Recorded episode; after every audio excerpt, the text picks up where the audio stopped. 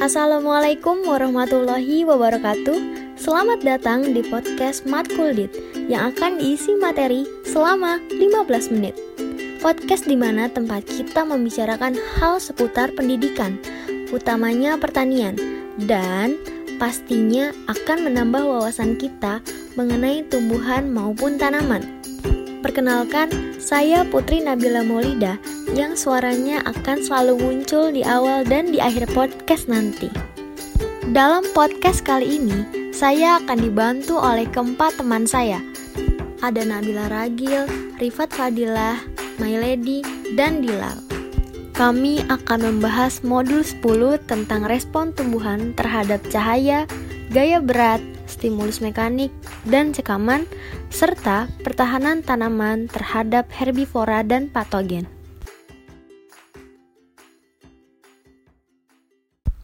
Tumbuhan memiliki sistem kontrol dalam mengatasi dan menghadapi berbagai cekaman. Ada beberapa jenis respon tumbuhan terhadap lingkungan.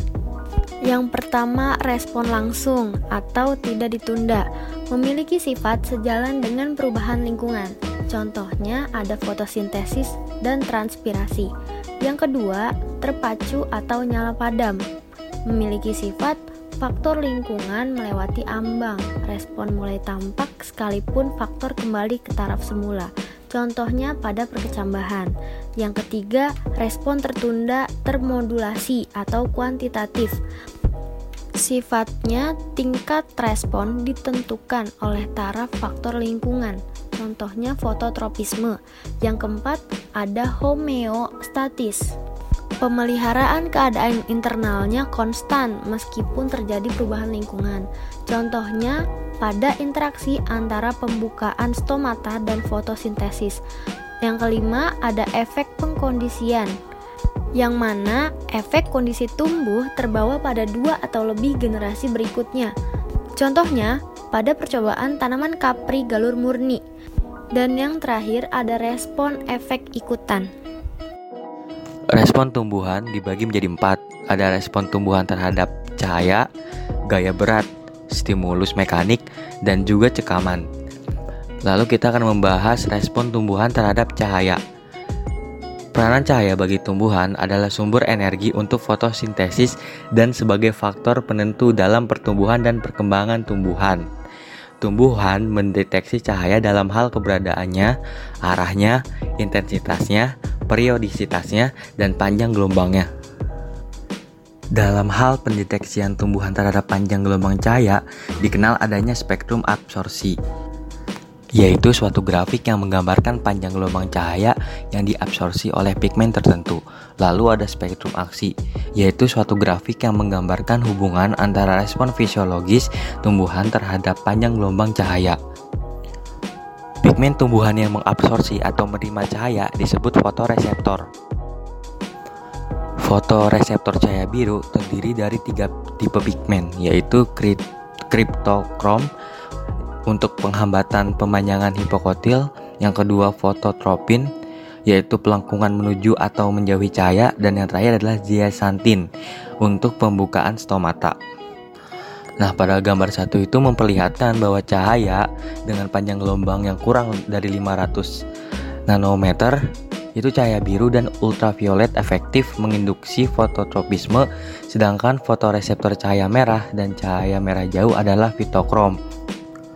Lalu pada gambar 2 itu terdapat perubahan fitokrom dan perkecambahan biji di mana cahaya merah yang panjang gelombangnya 660 nanometer menstimulir perkembangan biji selada.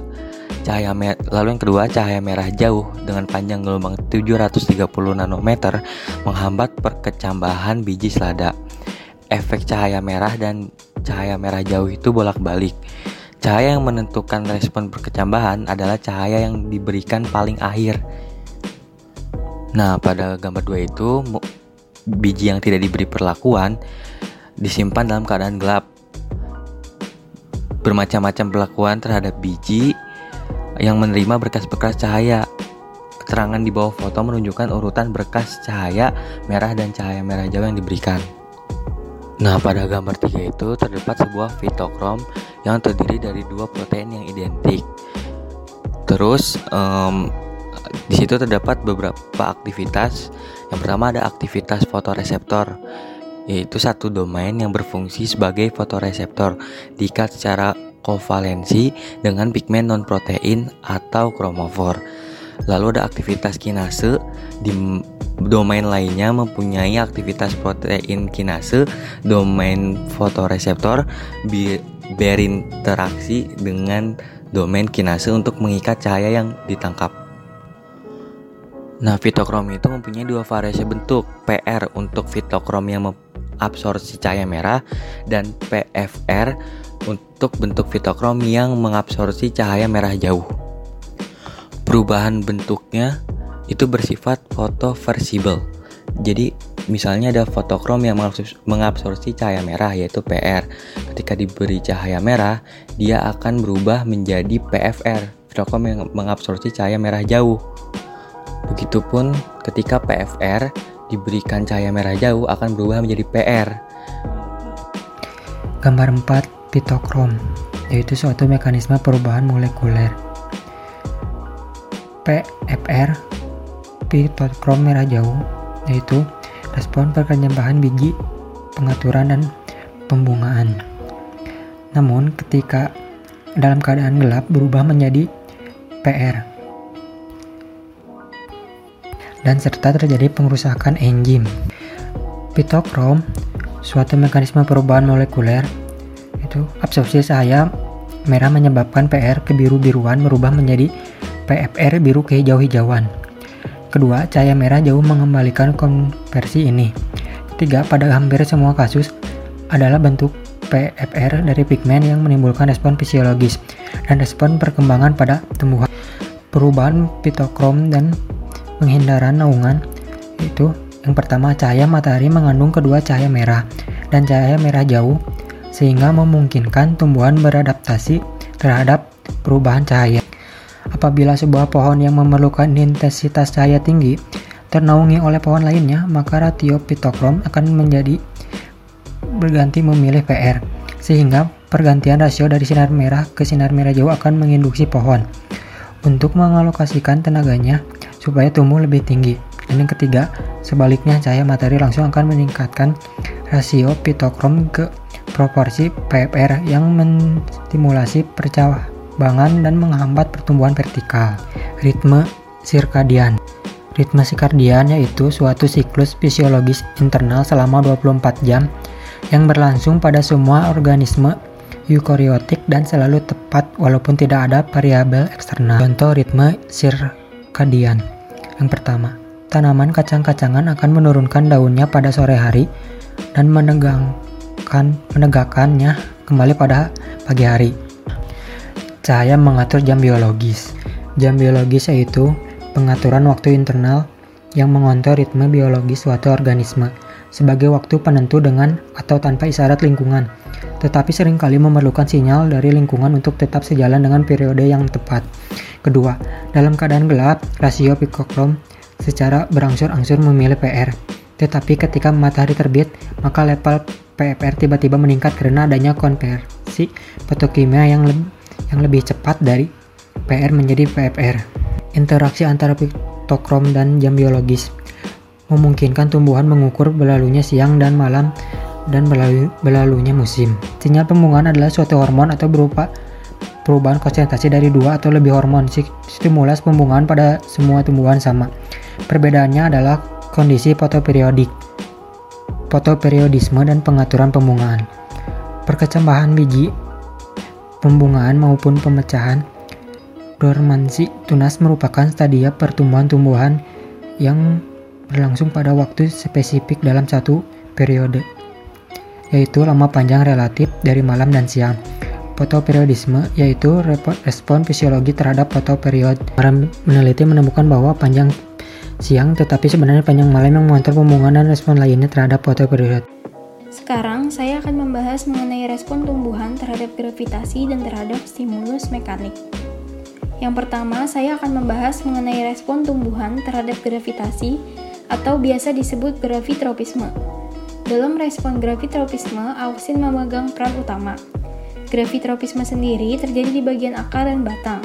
Pada bagian akar terjadi gravitropisme positif, yaitu gerak responnya menuju ke bumi atau ke bawah, sedangkan pada batang terjadi gravitropisme negatif, yaitu gerak responnya menjauhi bumi atau menuju ke atas. Pada gravitropisme akar terdapat yang namanya hipotesis statolit.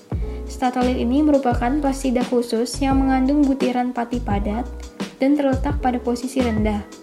Pada hipotesis statolit, tumbuhan menempatkan statolit ke bagian tudung akar sebelah bawah.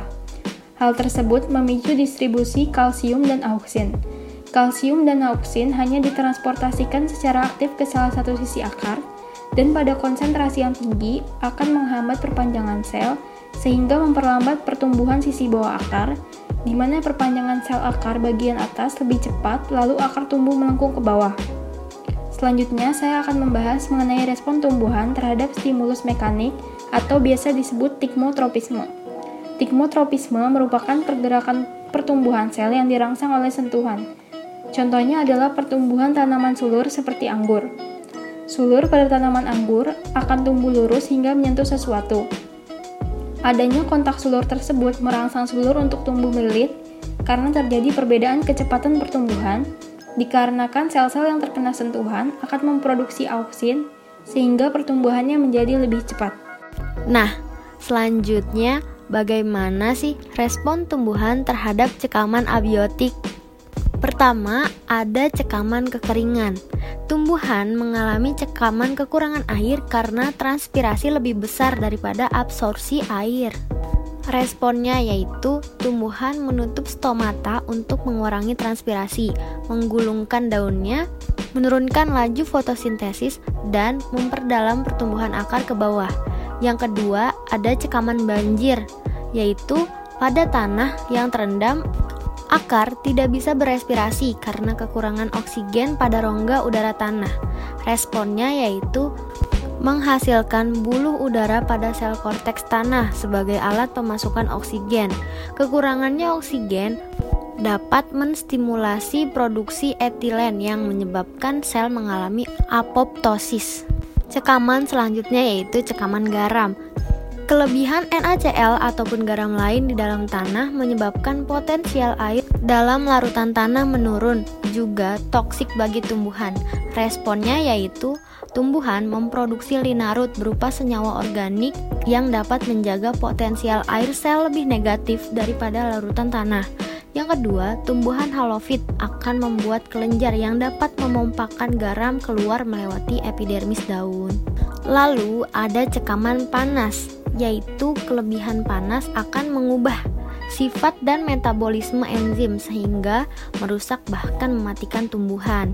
Responnya yaitu tumbuhan akan menutup stomata untuk mengkonversi air lalu mensintesis protein pengejut panas yang mengikat protein lainnya untuk membantu mengurangi denaturasi. Selanjutnya cekaman dingin yang mana temperatur dingin menyebabkan membran biologis kehilangan fluiditasnya karena lipidanya terikat ke dalam bentuk kristal. Responnya yaitu tumbuhan menambah asam lemak tidak jenuh pada membran lipidnya yang dapat menghalangi pembentukan kristal sehingga fluiditasnya dipertahankan. Dan yang terakhir ada cekaman pembekuan atau freezing. Cekaman ini akan menurunkan potensial air ekstraseluler sehingga menyebabkan plasmolisis. Responnya yaitu sebelum menghadapi musim salju, sel akan meningkatkan level sitoplasmanya dengan linarut spesifik, semisal gula, yang toleransinya lebih baik pada konsentrasi tinggi juga membantu mengurangi kehilangan air dari sel selama temperatur dingin di luar sel tersebut. Selanjutnya, saya akan membahas tentang pertahanan tumbuhan. Tumbuhan merespon ancaman dengan mengadakan sistem pertahanan yang dapat menghalangi herbivora, mencegah infeksi, dan memerangi patogen yang akan merusak dan menginfeksinya. Pertahanan tumbuhan ini terbagi menjadi dua, yaitu terhadap herbivora dan terhadap patogen. Pertahanan tumbuhan terhadap herbivora bisa berupa pertahanan fisik, misalnya dengan duri, pertahanan kimia, misalnya dengan memproduksi senyawa toksik, pertahanan biologis, misalnya dengan mendatangkan hewan predator. Tumbuhan juga dapat memproduksi asam amino berupa, berupa kafanin yang mirip dengan agrinin. Tetapi efek keduanya berlawanan sehingga insekta dapat mati. Selanjutnya ada pertahanan tumbuhan terhadap patogen. Tumbuhan mempunyai dua garis pertahanan. Garis pertahanan pertama yaitu perlindungan fisik berupa epidermis dan periderm. Garis pertahanan kedua yaitu serangan kimia yang dapat membunuh patogen dan mencegah penyebaran. Dan garis pertahanan kedua ini ditingkatkan melalui kemampuan yang diwariskan untuk mengenal patogen tersebut. Tumbuhan mempunyai kemampuan untuk mengenal patogen dan menyusun pertahanan terhadap patogen tersebut.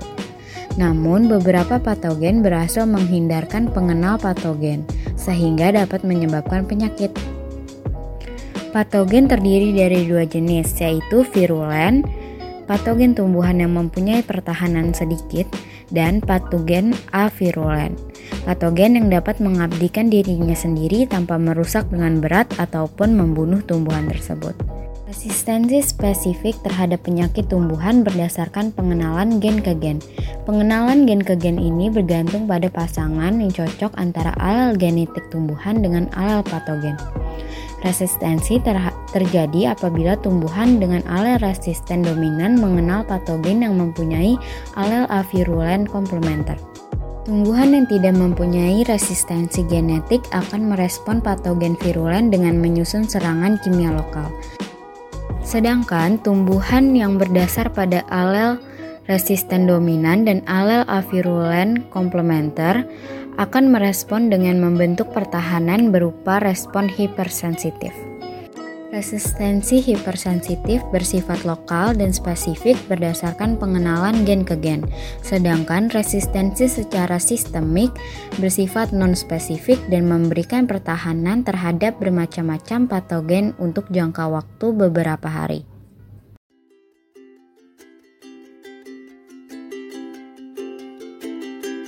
Nah, itu dia pembahasan tentang respon dan pertahanan tumbuhan pada podcast kali ini. Semoga banyak ilmu baru yang didapat dari pemaparan materi oleh kami. Terima kasih karena telah mendengarkan podcast kelompok kami sampai selesai. Terima kasih juga kami ucapkan untuk para dosen yang telah membimbing kami dalam belajar. Dan tak lupa juga kami ucapkan terima kasih untuk teman-teman yang sudah memberikan supportnya sampai saat ini. Mohon maaf apabila ada salah-salah kata maupun ucapan yang kurang berkenan. Terakhir dari kami, tetap semangat, jaga kesehatan, dan selalu ingat pesan ibu. Wassalamualaikum warahmatullahi wabarakatuh.